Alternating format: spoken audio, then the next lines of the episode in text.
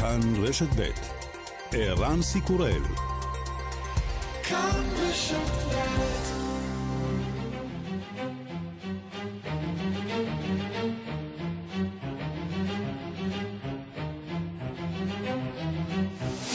השעה הבינלאומית 15 ביוני 2021 והיום בעולם. בבריסל מכונסים מנהיגי ברית נאט"ו לדון באיומים הנשקפים מכיוונה של רוסיה. מחר צפוי נשיא ארצות הברית ביידן להיפגש עם נשיא רוסיה פוטין, לדון במערכת הקשרים בין המדינות, שנמצאת בשפל הנמוך ביותר מאז המלחמה הקרה.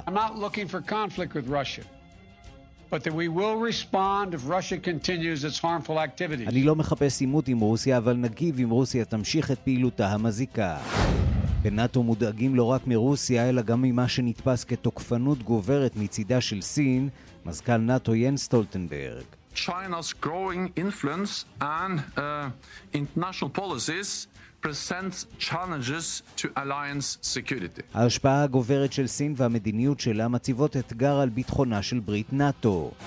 הממשל האמריקני בוחן טענות לדליפה במתקן גרעיני בדרום סין. החשש היה משמעותי מספיק עד שהמועצה לביטחון לאומי של ארצות הברית קיימה שורה של פגישות בנושא בשבוע שעבר. בארצות הברית מאמינים כי הסבירות שיקרה אסון כתוצאה מהדליפה נמוך. גם בסין עצמה יש מי שמודאגים, בהם ראשת ממשלת הונג קונג קרי לאם.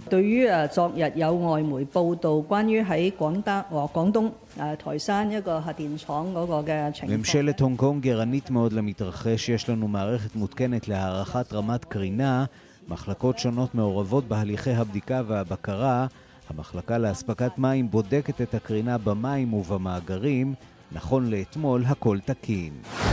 חברי הקונגרס האמריקני ציינו אתמול בדקה דומייה את זכרם של 600 אלף אמריקנים שמתו כתוצאה מהתפרצות נגיף קורונה. נשיא ארצות הברית ג'ו ביידן מזכיר, אמריקה בדרך לנצח את הקורונה, אבל הדרך עוד ארוכה. We're still averaging the last seven days loss of 370 deaths per day. 370 deaths, that's significantly lower than at the peak of this crisis, but it's still a real tragedy. 370 בני אדם מתו מדי יום בשבוע האחרון מקורונה, זהו מספר נמוך משמעותית לעומת השיא של המשבר. עדיין מדובר בטרגדיה גדולה. מניין המתים העולמי עומד כעת על יותר משלושה מיליון ושמונה מאות אלף.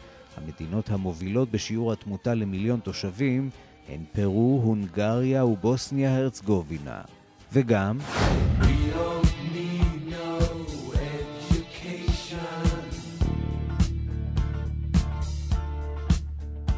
מרק צוקרברג עשה טעות חמורה כשפנה לרוג'ר ווטרס, איש הפינק פלויד ומוביל ה-BDS, והציע לו סכום נכבד תמורת שימוש בשיר הזה מתוך האלבום החומה כפרסומת לאינסטגרם.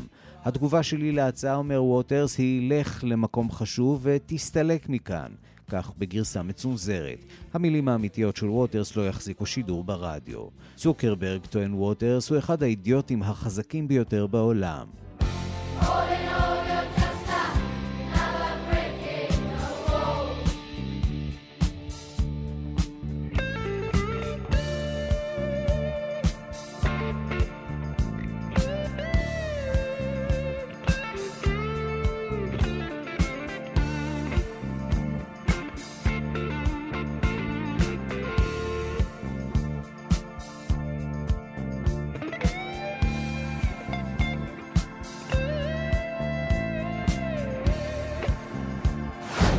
השעה הבינלאומית שעורך זאב שניידר, מפיק אביגל בסור, בביצוע הטכני אמיר שמואלי, אני רן סיקורל, אנחנו מתחילים.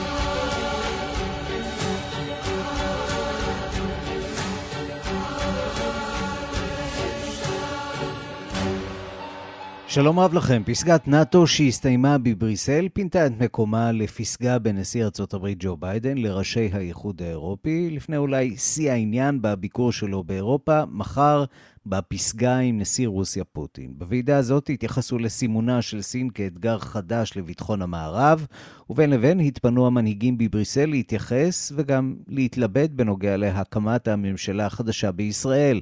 אנחנו פותחים בדיווחו של שליחנו לפסגת נאט"ו, גדעון קוץ. למנהיגי מדינות נאט"ו יש שוב אבא לסמוך עליו אחרי הדוד הנורא טראמפ. ג'ו ביידן יוכל להגן עליהם למשל מפני הזאב הרע פוטין וביידן עצמו שנראה קצת עייף, כמעט כמונו, אחרי שחיכינו לו כשלוש שעות בגלל הפגישה המרתונית עם נשיא טורקיה ארדואן, מצא שהדימוי שהשאיר טראמפ לא הפריע לאמון המחודש. I think an awful lot of people thought that my showing up at the G7 would not produce any kind of enthusiasm. הרבה אנשים חשבו שהופעתי כאן והמנהיגות האמריקנית לא תעורר התלהבות בגלל מה שאמריקה הייתה לאחרונה, אבל המנהיגים מאמינים באמריקה ויודעים שאנו אומה הגונה ומכובדת. אמנם ביידן איים שאם פוטין יבחר שלא לשתף פעולה ויפעל בדרך שבה פעל בעבר ארצות הברית תגיב, אבל הפסגה רואה גם בסין אתגר ביטחוני, בין השאר בגלל פעילותה בתחום הסייבר והחלל, והקדישה לה יותר מקום בהצהרה הסופית מאשר לרוסיה. היא גם אומרת שלא תרשה לאיראן לפתח נשק גרעיני.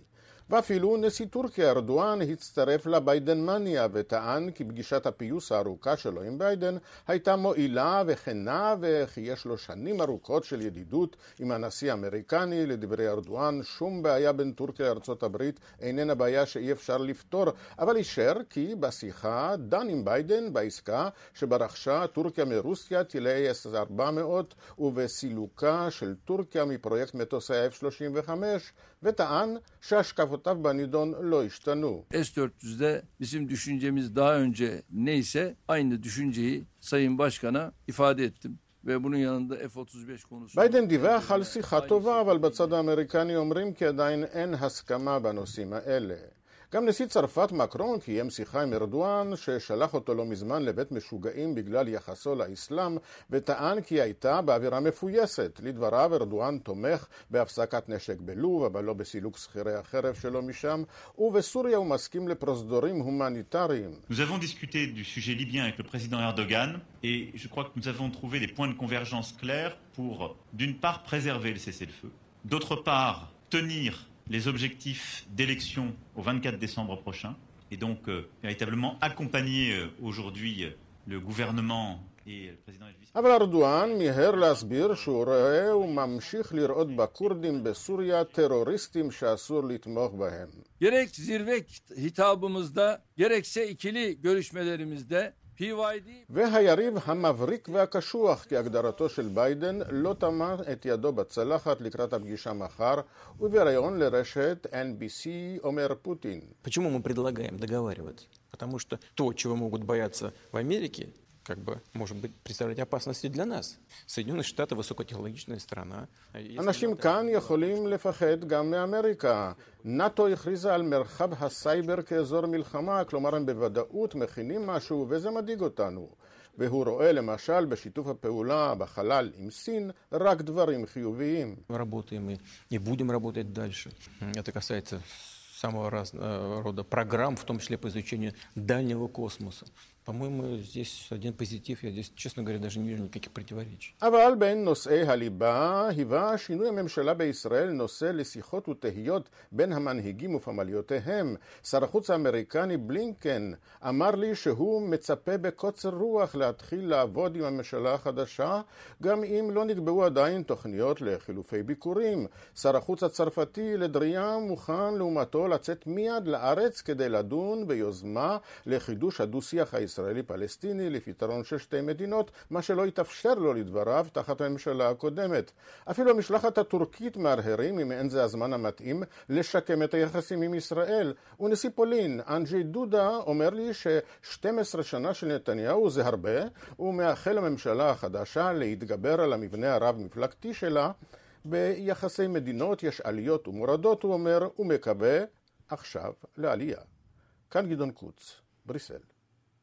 כשנכנס לתפקיד סיבן לעצמו ג'ו ביידן את רוסיה ואת סין כיריבות המרכזיות של ארצות הברית. השבוע, במהלך ביקורו באירופה, החל ביידן לפעול לגיוס הקהילה הבינלאומית נגדן. שלום לכתבנו בוושינגטון, נתן גוטמן. שלום ערן. תחילה סין, ביידן הצליח בעצם לגרום למדינות אמ, החברות אה, בברית נאט"ו לתייג את סין אה, כיריבה. לראשונה בעצם בתולדות הארגון, זה קצת מפתיע, אבל זאת בעצם הפעם הראשונה שסין מוגדרת כיריבה באופן רשמי. כן, כאתגר עבור נאט"ו, כך היא מוגדרת שם, כי בסופו של דבר הברית הצפון אטלנטית מתייחסת לאיומים צבאיים, וסין לא נתפסה ככזאת. אחת, אחת המשימות של אה, ג'ו ביידן באמת הייתה להעלות את הנושא הזה על הפרק, והוא עשה את זה גם במישור הכלכלי בוועידת ה-G7, כאשר הוא ניסה לגייס את מדינות אירופה להציב אתגר להתפשטות הכלכלית אה, של אה, סין באסיה ובאירופה ובאמריקה הלטינית, ועכשיו גם בוועידת נאט"ו, כאשר הוא מנסה לומר, תראו, מדובר פה גם באתגר צבאי, ושלושים המדינות מסכימות פחות או יותר. הטון הוא לא מאוד תקיף, אבל הוא בהחלט מכיר בעובדה שסין, בפעילות הסייבר שלה, בפעילות הימית שלה, בעובדה שיש לה את הצי הגדול בעולם, ההשקעות הביטחוניות השניות בגובהן אה, אה, בעולם, הניסיונות אה, להתפשט מבחינה ימית, התרגילים המשותפים באזור רוסיה ובארקטי, כל אלה ביחד הופכות את סין לאתגר צבאי עבור אה, מדינות נאט"ו, וזו הפעם הראשונה שיש בכך הכרה רשמית. זה לא אומר בהכרח שום דבר ברמה המעשית, אבל זה כן שם את סין על הרדאר של אה, מדינות הברית גם במישור הצבאי, ומוסיף עוד איזושהי לבנה על הקיר הזה שביידן מנסה לבנות סביב סין כדי להגביל את ההתפשטות שלה ולהבטיח את היתרון של ארה"ב ומדינות המערב מולה. השאלה עד כמה אה, זה באמת אה, יגביל, אה, והשאלה אם זה לא יעורר דווקא אנטגוניזם בצד הסיני, בהנחה שממשלו של ג'ו ביידן היה רוצה גם לנהל איזה סוג של דיאלוג עם הסינים, לנסות להכניס את היריבות עם סין לאיזושהי מסגרת. זו בדיוק השאלה, וגם צריך לזכור שלסין, בזכות העוצמה הכלכלית שלה, יש אה, מנופי לחץ על אה, ארצות הברית ועל מדינות המערב בתחום הסחר, בתחום האספקה, כך שזה לא כאילו שאפשר ללחוץ עליה ברמה שלוחצים על רוסיה, צריך להיות מאוד זהירי בנושא הזה, זה גם אחד הדברים שביידן שמע בעיקר במדינות אה, בפגישת ה-G7, שבסופו של דבר היחס לסין צריך להיות הרבה יותר זהיר, נכון היא יריבה, נכון הצעדים שלה והמעשים שלה בתחום זכויות האדם והיחס אה, למיעוטים הם מאוד מאוד בעייתיים מבחינת המערב, אבל הכלים שבהם צריך להשתמש הם מוגבלים יותר. צריך גם תמיד לזכור שיש לנו עוד זירה שנמצאת ברקע כל הזמן, וזה הדוח שארצות הברית מצפה לקבל מרשויות המודיעין שלה בעניין האחריות הסינית אה, אה, והאפשרות שנגיף הקורונה פותח במעבדה באוהאן, זה כמובן יכול לשנות את התמונה אם הדוח הזה יקבע משהו חד משמעי בנושא הזה. ואם הדוח יקבע, האם יהיו השלכות אה, מעשיות ליחסים עם סין, אחריות למותם של כרגע שלושה מיליון ושמונה מאות אלף, מהם שש מאות אלף בסין, או שארצות הברית תקבל את זה כסוג של טעות, תקלה שמתרחשת ויכולה להתרחש? תראה, סביר מאוד להניח שאם רשויות המודיעין האמריקניות יצאו עם דוח חד משמעי שיקבע נגיף הקורונה פרט ממעבדה של uh, סין בווהאן והסינים לא עשו דבר או לא פעלו היטב כדי למנוע את זה, יהיה קשה מאוד לארצות הברית להתעלם מזה, יהיה קשה מאוד לממשל ביידן להתעלם מזה, גם בגלל שברקע יש כל הזמן את הנשיא לשעבר דונלד טראמפ ותומכיו שמדברים על מה שהם מכנים הנגיף הסיני ועל הטענה שזה הכל באשמת סין ושחייבים לדרוש ממנה פיצויים, זה קיים uh, uh, ברקע הדיון הזה, אם הקביעה תהיה באמת חד משמעית במובן כזה, ארצות הברית לא תוכל להתעלם. בוא נעבור מכאן לזירה שאולי מעניינת יותר את האירופים, בעיקר משום שמדובר בחצר האחורית שלהם, אה, רוסיה. מחר אה, ביידן יתייצב מול אה, ולדימיר פוטין. למי, למה צריך לצפות מהפגישה הזאת? קודם כל להרבה מאוד התעניינות בינלאומית, כולם מדברים על זה, ג'ו ביידן אמור להגיע מאוד מוכן, לפי הדיווחים הוא כל יום עובר עם, עם ישיבות הכנה עם הצוות שלו לקראת הפגישה הזאת, מאוד חשוב לו לשדר תקיפות, מצד שני לא להיכנס לעימות יותר מדי אה, עם פוטין, כך שאפשר לצפות מבחינת הסגנון גם בפוטו בהתחלה, גם מסיבת עיתונאים של פוטין בנפרד אחר כך, של, סליחה, של ביידן בנפרד אחר כך, למסרים ברורים בעניינים האלה, אבל הציפייה מבחינה מעשית היא לקבוע אולי איזה שהם קווים כלליים להמשך היחסים עם רוסיה, הברית תוכל להבהיר מה היא לא מוכנה לקבל, מה היא לא רוצה לקבל, איזה שינויים היא מצפה לראות, וכפי שציינו אולי אה, גם אולי אפילו איזושהי מחווה קטנה בכל הנוגע להחזרת שגרירים, אבל צריך קודם כל להתגבר על הרבה מאוד מטענים של רטוריקה, כולל העובדה שג'ו ביידן כינה את ולדימיר פוטין רוצח או killer, הנה הוא נשאל על כך אתמול, הנה מה שהוא משיב. answer the first question, I'm laughing too. They actually, I, well, look, I mean, he has made clear that uh, uh, the answer is, I believe he has in the past essentially acknowledged that he was, uh, there are certain things that he would do or did do. But look, um, when I was asked that question on air, I answered it honestly. But it's not much of a, I, I, I don't think it matters a whole lot in terms of this next meeting we're about to have. כן, ביידן מנסה קצת לצחוק, זה לא באמת חשוב אה, מבחינת הפגישה, אם אה, קראתי לו אה, רוצח או לא. אני מנחש שפוטין צחק פחות כשהוא שמע את זה, אולי זה לא יעלה ישירות בשיחה, אבל זה בדיוק מסוג הדברים שקובעים את הטון ושנותנים לנו את הרקע למפגש הזה. נתן, בואו אולי נטעם ממה שקורה ממש עכשיו בבריסל. ג'ו ביידן מקיים שם מסיבת עיתונאים עם עמיתיו האירופים. נתחבר אולי לדקה קצת להתרשם ממערכת היחסים בין האיחוד האירופי לארצות הברית, תחת ג'ו ביידן.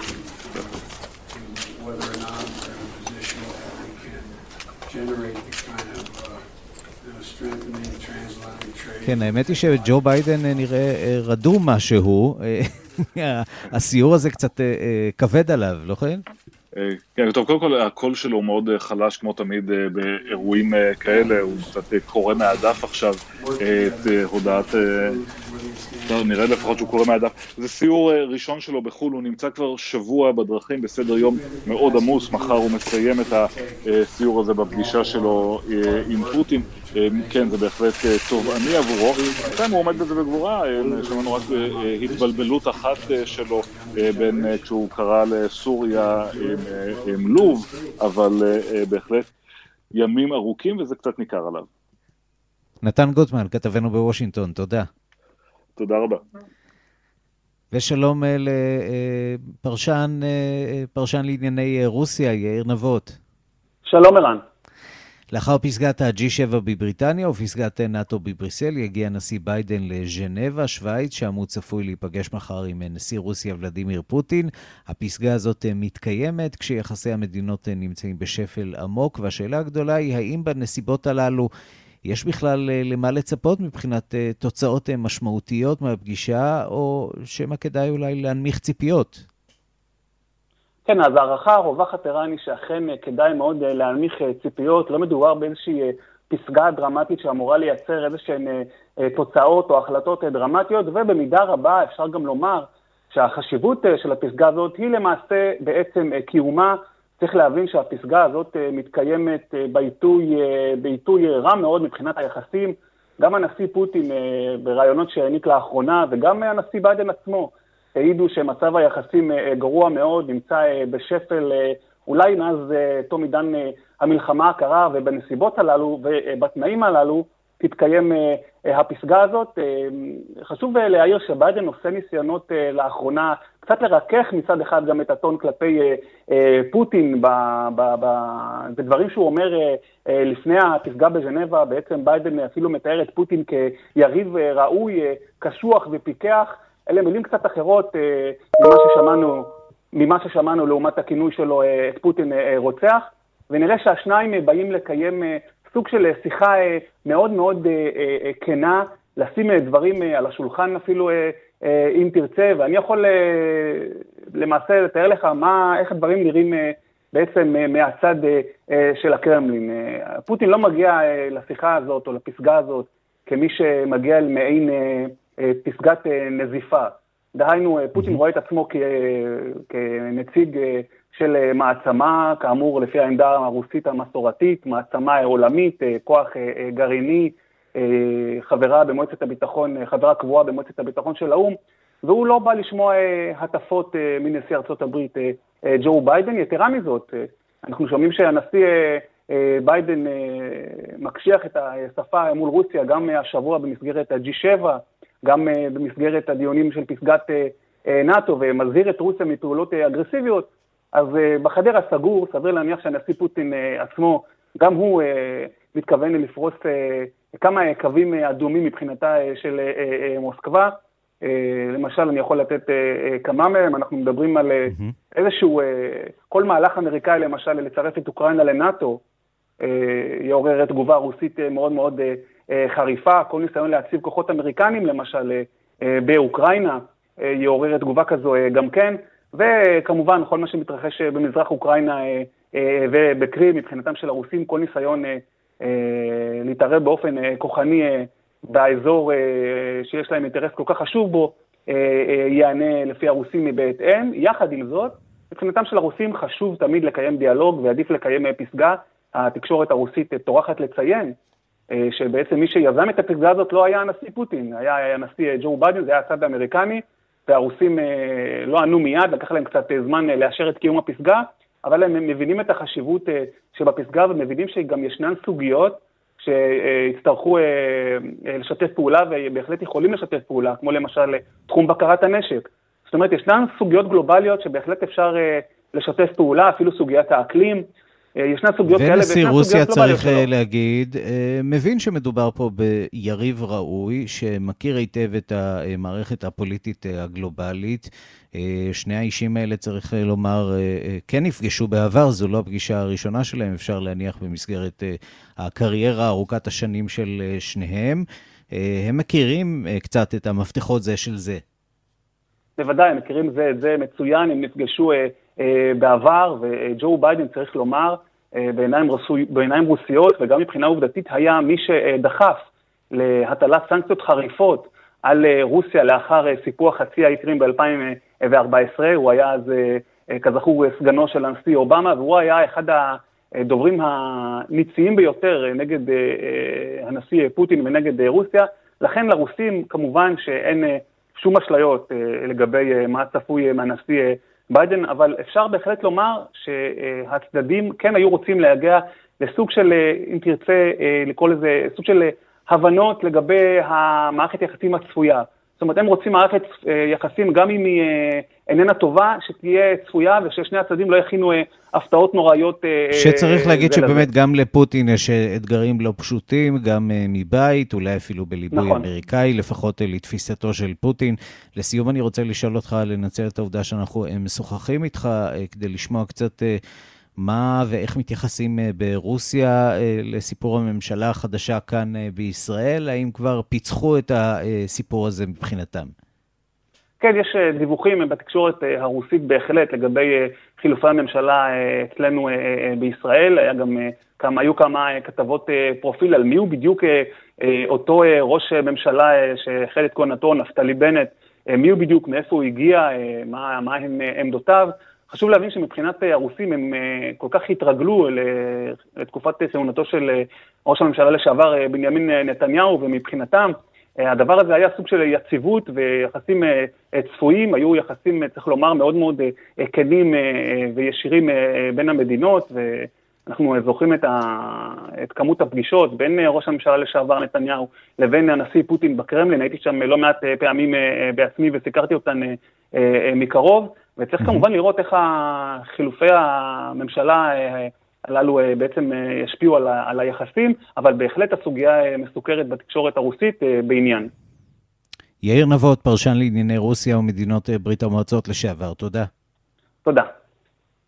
השעה הבינלאומית, אנחנו לקורונה. הנתונים המעודדים במדינות העשירות אינם משקפים את מצב המגפה בעולם כולו, בזמן שבאירופה פותחים את המשק לאחר הגל השני, בתקווה שהנגיף לא יחזור הודות למסע החיסונים המואץ. במדינות אסיה ואפריקה וגם ברוסיה, מניין הנדבקים החדשים נותר גבוה. מוסקבה גם החליטה להטיל מחדש מגבלות מסוימות שבוטלו לפני זמן רב. דיווחה של כתבת חדשות החוץ, נטליה קנבסקי. רתיעת האוכלוסייה הרוסית מהתחסנות מראה כעת את תוצאותיה הראשונות. מספר מקרים חדשים של קורונה ממשיך לעלות במדינה בימים האחרונים והוא עבר את הרף של 14 אלף נדבקים ביום. המצב מדאיג במיוחד בסנקט פטרבורג המארחת בימים האלה שבעה ממשחקי גביע אירופה בכדורגל אך גם במוסקבה וברפובליקות המרוחקות יותר. הרשויות הודיעו על חידוש כמה מן המגבלות שהתושבים כבר הספיקו לשכוח. במוסקבה מקווים שההתפתחות הזאת תדחוף את האוכלוסייה להתחסן בספוטניק V. לא רק ברוסיה, גם בבריטניה בולמות הרשויות את השלב הסופי בפתיחת המשק. הוא היה מתוכנן ל-21 ביוני, אך נדחה ל-19 ביולי בגלל התפשטות זן דלתא, הזן ההודי של הנגיף. We can simply keep going with all of step on June the 21st, even though there is a real possibility that the virus will... אנו בוודאי יכולים להתקדם לשלב הבא כבר ב-21 ביוני, אך במקרה הזה יש סבירות גבוהה שהנגיף יהיה מהיר יותר מהחיסונים, פירושו של דבר מאות מקרי מוות נוספים שאותם היה אפשר למנוע. מצד שני, אנו יכולים לתת לשירותי הבריאות שלנו כמה שבועות נוספים, נחוצים כל כך כדי לחסן את אלה שזקוקים לזה. לפי שעה אין ביכולתי לומר שארבעת התנאים שהצבנו למעבר לשלב הבא כבר מולאו, דברי ראש הממשלה בוריס ג'ונסון. קרן אור בקצה המנהרה, לפי המחקר המתפרסם בימים האלה, חיסון פייזר ביונטק אכן יעיל נגד הזן ההודי ברמה של כ-79 אחוזים, לעומת יותר מ-90 אחוזי יעילות נגד הזן הבריטי. במדינות אירופה היבשתית שבדרך כלל סופגות את הזנים החדשים כמה שבועות אחרי השכנים הבריטים. פתיחת המשק נמשכת לפי שעה בצעדי ענק. בגרמניה מדברים על ביטול בימים הקרובים של עטיית המסכות ברחובות ובאתרים החיצוניים הומי אדם פוליטיקאים מן האופוזיציה דורשים לבטל את המסכות לגמרי כי שיעור ההידבקות הוא מן הנמוכים ביבשת 652 נדבקים חדשים נרשמו בגרמניה היום 50 אחוזים פחות מלפני שבוע ובאיחוד האירופי הציגו את תעודת קוביד הדיגיטלית שאמורה לאפשר לתושבי היבשת תנועה חופשית בגבולותיה. Today, the European Digital COVID Certificate reassures us of this spirit of an open Europe. התעודה הזאת מבטיחה לנו היום את אירופה הפתוחה בלי מכשולים וגם אירופה שמתאוששת אט אט אך בבטחה מהזמנים הקשים ביותר של המגיפה אמרה ראשת הנציבות האירופית אורסולה ונדר ליין לדבריה התעודה שפותחה בזמן בזק תקל את תנועת האנשים ותחזיר לאירופים את החופש שהוא הערך העליון בעבורם וברמה העולמית מזכיר ראש ארגון הבריאות העולמי תדרוס אדנום גיברייסוס שהמגיפה עוד לא עברה לחלוטין. לדבריו למרות הירידה הגלובלית במספרים במקומות מסוימים הנגיף מתקדם מהר יותר ממסע החיסונים. The virus is moving faster than the global distribution of vaccines. At the G7 summit on Saturday, I said that to end the pandemic, בפסגת G7 בשבת אמרתי שוב שכדי לשים קץ למגיפה מטרתנו המשותפת חייבת להיות לחסן לפחות 70 אחוזים מאוכלוסיית העולם עד הפסגה הבאה שתהיה בגרמניה בקיץ הבא. כדי לעשות זאת נחוצים לנו עוד 11 מיליארד מנות חיסון טען ראש ארגון הבריאות העולמי והפציר ביכולתן של מדינות G7 ו-G20 לגרום לזה להפוך למציאות. לא רק ישראל מסירה היום את רוב מגבלות הקורונה, קליפורניה, הגדולה ממדינות ארצות הברית, ממש חגגה הלילה את היציאה הגדולה מהמגפה, למרות סימני שאלה ושורת מגבלות שעדיין יחולו בתקופה הקרובה. שלום לכתבנו בלוס אנג'לס, יגאל רביד. שלום ערן, לילה טוב, בוקר טוב. סיום או רק מסיבת סיום לקורונה? כל סוף הוא התחלה חדשה, כמו בשיר, כאן בלוס אנג'לס וגם בסן פרנסיסקו, מסתיימות בשעות האלה ממש מסיבות, מסיבות סיום הקורונה, בדיוק 15 אה, חודשים אחרי אותו לילה, ב-13 במרץ 2020, כשהמושל גבי ניוסו מטיל שורה של מגבלות שהשתנו, כמו שאנחנו יודעים, עלו וירדו במשך הזמן, כולל הרגע הקשה בדצמבר, שבעקבות אירועי השנה החדשה, היה גל גדול מאוד, סרט של הדבקה, אבל הלילה שוב ספירה לאחור. בוא תשמע איך שידרו הרשתות מהמועדונים, מהמסיבות, מהברים, מהמסעדות את המסיבות האלה. Good evening to both of you. The party has started here at the Abbey. Check out this countdown clock. Everyone is ready for midnight. Now, this is the dance floor area, and right now it's a little bit empty, but come midnight, this area will be packed with people dancing and partying. And at midnight, you won't have to wear your mask or social distance, and that'll be the case at the majority of bars and restaurants, too. זה הסיפור, ערן. בחצות, החל מחצות הלילה בקליפורניה, לא צריך לחבוש יותר את המסכות, לא צריך להקפיד על ריחוק חברתי, והמסיבות בעיצומן, היין זורם. לא, זה לא ליל השנה החדשה. אלו מסיבות סיום הקורונה. אה, שלושה, כמעט ארבעה מיליון בני אדם נדבקו במדינת קליפורניה, כמעט אה, עשרה אחוז מאוכלוסיית המדינה. והמושל, כמו שאתה יודע, כמו שאתה מזכיר לי תמיד, אה, נאבק כרגע על קיומו הפוליטי, מעניק גם חבילת תמריצים בגלל שיש לו כסף, בגלל שהכלכלה חזרה מאוד, אבל הבעיה הגדולה היא עדיין התיירות, היא עדיין לא חוזרת לעצמה, למרות שהכל נפתח, חבילות נופש שמחולקות על ידי המושל גווין אה, ניוסום בשווי 2,000 דולר כל אחת, ו-50 דולר אם לא התחסנת. איפה הבעיה, ערן? קודם כל, יש לך קבוצות שעדיין לא מחוסנות. נכון, 70 אחוז כן, אבל בקבוצות שלא מחוסנות, מדובר בעיקר בצעירים מתחת לגיל 30 מהעדה ההיספנית ומהקהילה השחורה. להם מציעים 50 דולר לכל אחד שיסכים ללכת ולהתחסן, אולי זה ישנה. בניו יורק הסיפור הוא אחר. ראש העיר, ביל דה בלזיו, שגם היה מועמד לנשיאות, פחות חוגג, הוא מדבר, בוא תשמע אותו, על הצורך לזכור את גבורתם של הניו יורקים והקורבנות שהעיר שילמה.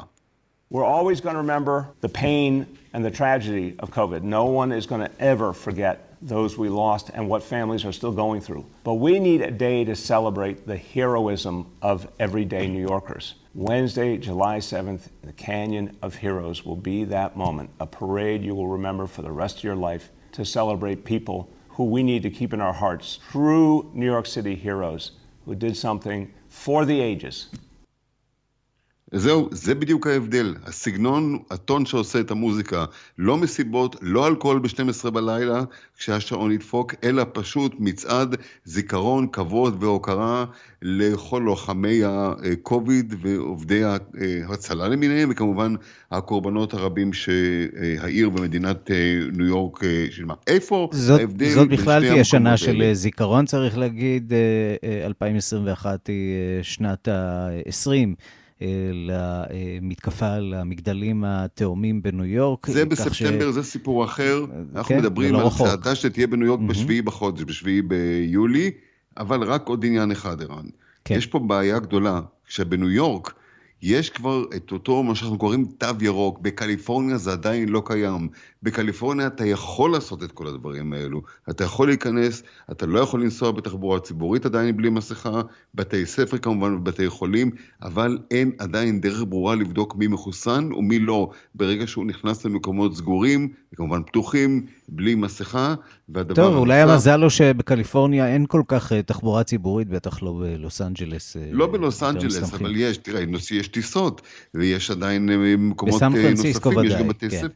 כן, מערכת החינוך היא עדיין בסימן שאלה גדולה, ולא ברור כל כך מה יהיה בהמשך, כאשר יש חשש גדול, האם יש חיסון עדר, האם אין חיסון עדר, בסך הכל הרעיון הוא לעודד את התיירות, לעודד את הכלכלה, כל אלו קופצות קדימה כרגע, בעקבות השינויים ובעקבות הרגע הגדול, הוא שינוי גדול בראש קודם כל. יצאנו מהקורונה, נקווה שזה יישאר כך. ברכות, יגאל רביד בלוס אנג'לס, תודה. תודה, תודה, ערן.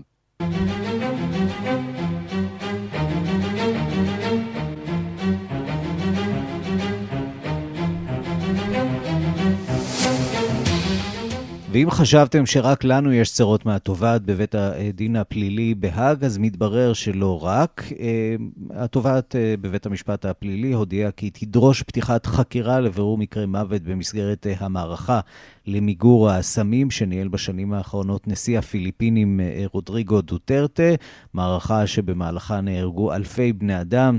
שלום לקשב תחום החוץ בן יניב. כן, שלום ערן. אז באמת דוטרטה אולי היום מגלה שהצהרות של התובעת הכללית ממש בימים האחרונים עדיין לכהונתה, זה לא רק צרות של ישראל. Uh, באמת שלוש שנים לאחר שהחלה בבחינה ראשונית של המקרים וביום האחרון לכהונתה, כתובעת הראשית של בית המשפט הפלילי הבינלאומי, הודיעה הבוקר uh, פאטו בנסודה על כוונתה לדרוש פתיחת חקירה לבירור נסיבות מותם של אלפי בני אדם במסגרת uh, מיטוט סחר הסמים בפיליפינים, אחת מתוכניות הדגל של הנשיא רודריגו דוטרטה.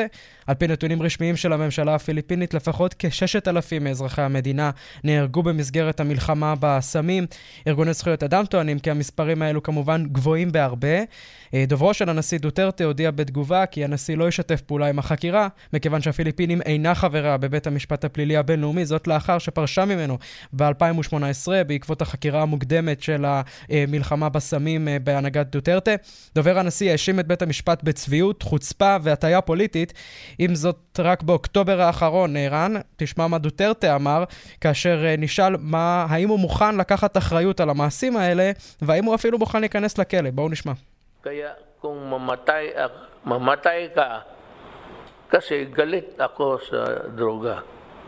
יון סינסאבי. כן, אז דוטרטה ממש באוקטובר האחרון, למרות שהיום הוא יוצא חוצץ נגד ההחלטה של אה, בית המשפט הפלילי הבינלאומי, אז הוא אומר באוקטובר, אני רוצה לומר לכם, סוחרי הסמים, את הדבר הבא, אם אתם נהרגים, זה בגלל שאני זועם על הסחר בסמים.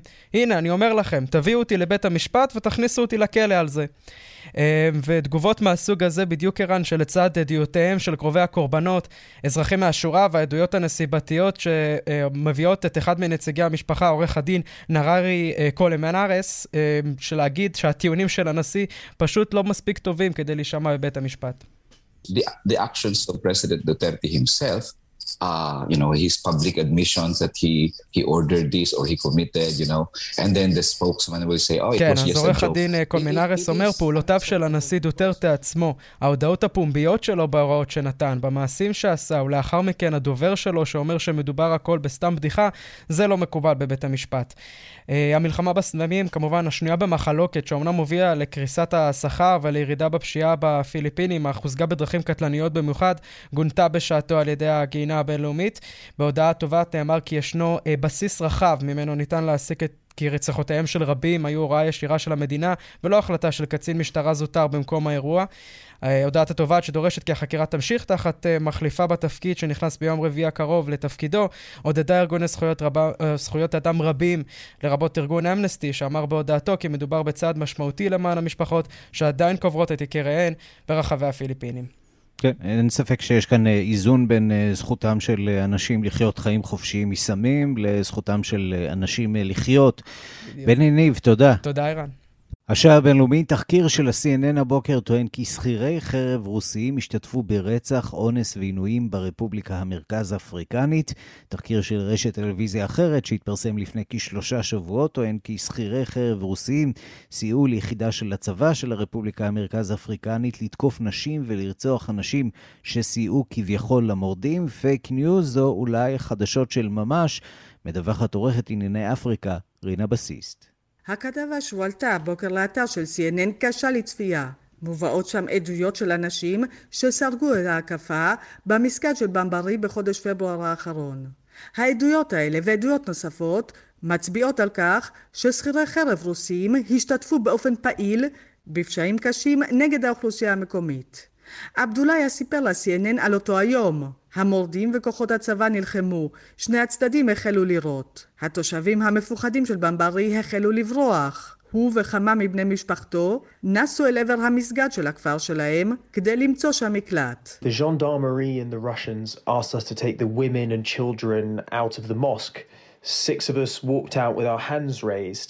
They searched us and found nothing. We hadn't even gone five meters when they started shooting at us. הז'נדרמרי והרוסים ביקשו מאיתנו לקחת את הנשים והילדים ולצאת מהמסגד. שישה מאיתנו יצאו בידיים מורמות. הם חיפשו עלינו ולא מצאו דבר. לא הלכנו יותר מחמישה מטרים כשהם החלו לירות, כך הוא מספר. עדויות נוספות מצביעות על כך ששכירי חרב רוסים השתתפו גם במעשי אונס, בעיקר של נשים מוסלמיות, ועינויים כלפי הנשים שנחשדו בידי הצבא כמשתפי פעולה עם המורדים. תחקיר של רשת Vice News מחודש מאי העלה כבר את החשדות האלה. התחקיר של Vice News גם מתייחס לדוח שפרסמה קבוצה אשר חוקרת עבור האו"ם פעילויות של שכירי חרב.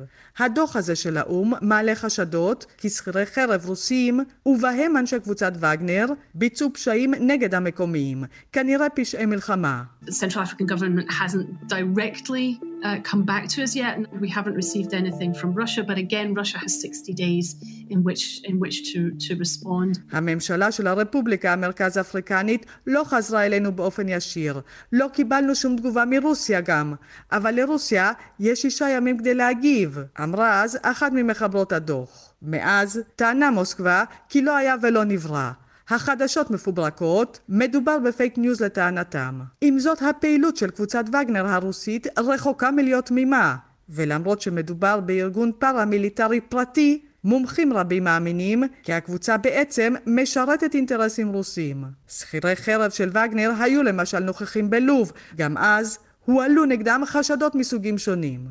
בשנת 2018 נהרגו ברפובליקה המרכז אפריקנית שלושה עיתונאים רוסים בעת מערב נגד המכונית שבה נסעו מחוץ לעיר. שלושת העיתונאים היו במדינה כדי לבצע כתבת תחקיר מעמיקה על פעילותו של ארגון וגנר. החברים שלהם מאמינים עד היום כי התחקיר הזה הוא שהביא למותם. כאן רינה בסיסט. בית המכירות קריסטיז הכריז בשבוע שעבר על מכירת יצירת אומנות בשיטת NFT של טרנסוויסט, צעיר בן 18. האומנות הדיגיטלית היא פרי יצירה של ארבע שנים, בהן הבין הנער כי האומנות תעזור לו במציאת זהותו האמיתית. בית המכירות צופה שהיצירה הזאת תימכר במיליון דולרים לפחות. שלום לחוקרת התרבות מירי קרמולובסקי. שלום, שלום, ערן. בואי תחילה נסביר שוב למאזינים שלנו מה זה יצירת אומנות בשיטת NFT, איך זה עובד ואיך עושים מזה כסף. אבל עושים מזה הרבה. אני אזכיר שבחודש מרץ דיברנו על זה פעם ראשונה, כשקריסטיז מכרו יצירה שהיא בעצם יצירה דיגיטלית ב-69 מיליון דולר. וזה אומר שעקרונית יש לך את זה, אבל לא ממש זה תלוי לך על הקיר, כן? והכל התחיל, הזכרנו מזה שאנשים רצו לקנות פיקאסו והם קנו ביחד, כל אחד שילם חמישה דולר, אף פעם זה לא יגיע אליהם לקיר, אבל עקרונית כן, ובעידן שבו אפשר לשכפל כל דבר אה, באופן מדויק, אה, זה קצת מוזר הסיפור הזה. נכון, אבל יש פה קודים, סמוך עליהם שיודעים להגן על זה. אני רוצה אבל לומר משהו מאוד משמח, הילד הזה, שדרך היצירות האלה בעצם מספר את הסיפור שהוא גילה שהוא בעצם לא בדיוק ילד, אולי הוא קצת ילדה, כן, הזהות המינית המיוחדת שלו. אה, עד לרגע זה קריסטיס ניתנו, ניתנו כבר הצעות בגובה של 18 מיליון דולר. וזה עוד לא נגמר, כי המכירה היא ב-23 בחודש, אז uh, דיברתי על יותר ממיליון, מדובר כבר על יותר מ-18 מיליון. ומה שיפה, אה, הוא למעשה מוכר שם אה, חמש יצירות דיגיטליות שמורכבות מעבודת וידאו, ממין דודלים כאלה שהוא מצייר, ויש יצירה אחת שהיא פיזית, זאת אומרת מצוירת בשמן מאוד יפה, מאוד uh, צבעונית, שהוא כותב עליה, למשל, קוראים לו ויקטור אגב לילד הזה, והוא מגלה גם את שמו המלא, והוא כותב, Hello, I'm Victor and this is my life. שלום, אני ויקטור ואלו עם חיי, ובאמת כל אה, יצירה כזאת, אמרתי חמש יצירות, היא שנה בחייו, הוא התחיל עם הפרויקט הזה בגיל 14, קצת קודם, אה, עכשיו הוא בן 18 פלוס, כל שנה מייצגת את חייו, וכאמור, רק עבודה אחת היא עבודה פיזית שמי שקונה את הוידאו יקבל גם את העבודה הזאת. ואתה יודע, זה גם, כמו שהוא אומר, אה, הוא עדיין לא מתראיין בפניו המלאים, אבל הוא אה, כתב שהוא מקווה שילדים ובני נוער אה, יראו את היצירה שלו, שכאמור בתוכה, את הפרצוף שלו, מרכיבים דימויים מאוד מאוד אה, שונים ומשונים וצבעוניים. מקווה שזה חלק מה, באמת, הדיבור על זה, על, אה, שגם ילדים יכולים, אתה יודע, כולנו יודעים שהיציאה מהארון על כל גווניה, היא יחסית בגיל מאוחר. מעטים מסוגלים בגיל 10-11 גם להבין מה עובר עליהם וגם לעשות מעשה. זה משתנה ובעצם, ככל שהחברה הופכת אה, ליברלית יותר, בחוגים מסוימים לפחות. אה, אני מקווה, אני מאמינה. אגב, בפסטיבל הקולנוע הלהט"בי שהיה בסינמטק לפני כשבוע, היה את הסרט Cowboys, שזה סרט שזכה בהמון פרסים ואני מקווה שיגיע לארץ, מבוסס על סיפור אמיתי של ילד בן עשר. בעצם ילדה, ילדה שמרגישה שהיא ילד, וזה, אני לא אשכח את המשפט שם, שהאימא אומרת לה, טוב, את tomboy כזאת, היא אומרת לה, אימא, אני לא טומבוי, אני ילד, יש לי בפנים נשמה של ילד. וזה סרט נהדר, כאמור, לדעתי, אני מאוד מקווה, מאוד חשוב שיגיע ארצה, כי בארץ עוד אנחנו, עוד יש לנו דרך, לפי מה שאני יודעת, בבתי הספר. טוב, לא, לא, לא, לא, לא רק בארץ, לא רק בארץ. לא מירי קרמלובסקי. אז אה, זהו, אז אם אתה רוצה לקנות קצת יותר מ-18 מיליון דולר, רק שתדע. אה, אה, לא, לא הפעם, לא בסבב הזה, אבל בהחלט המלצה לכל האומנים להתחיל לחפש את הפורמט הזה של NFT שיש לו פוטנציאל כלכלי לא מבוטל. בשורה די גדולה לתחום האומנות בכל, על כל המגדרים והצבעים. תודה רבה לך. נכון מאוד, להתראות ערן. וברקע השיר ווג של מדונה שיצא אה, בשנת 1990 אה, בעיצומה של אה, תחושה, בעיצומו של, בעיצומה של התפתחות דרמטית בקהילה הלהט"בית, שיר ששלט אז בסצנה של הקהילה. Strike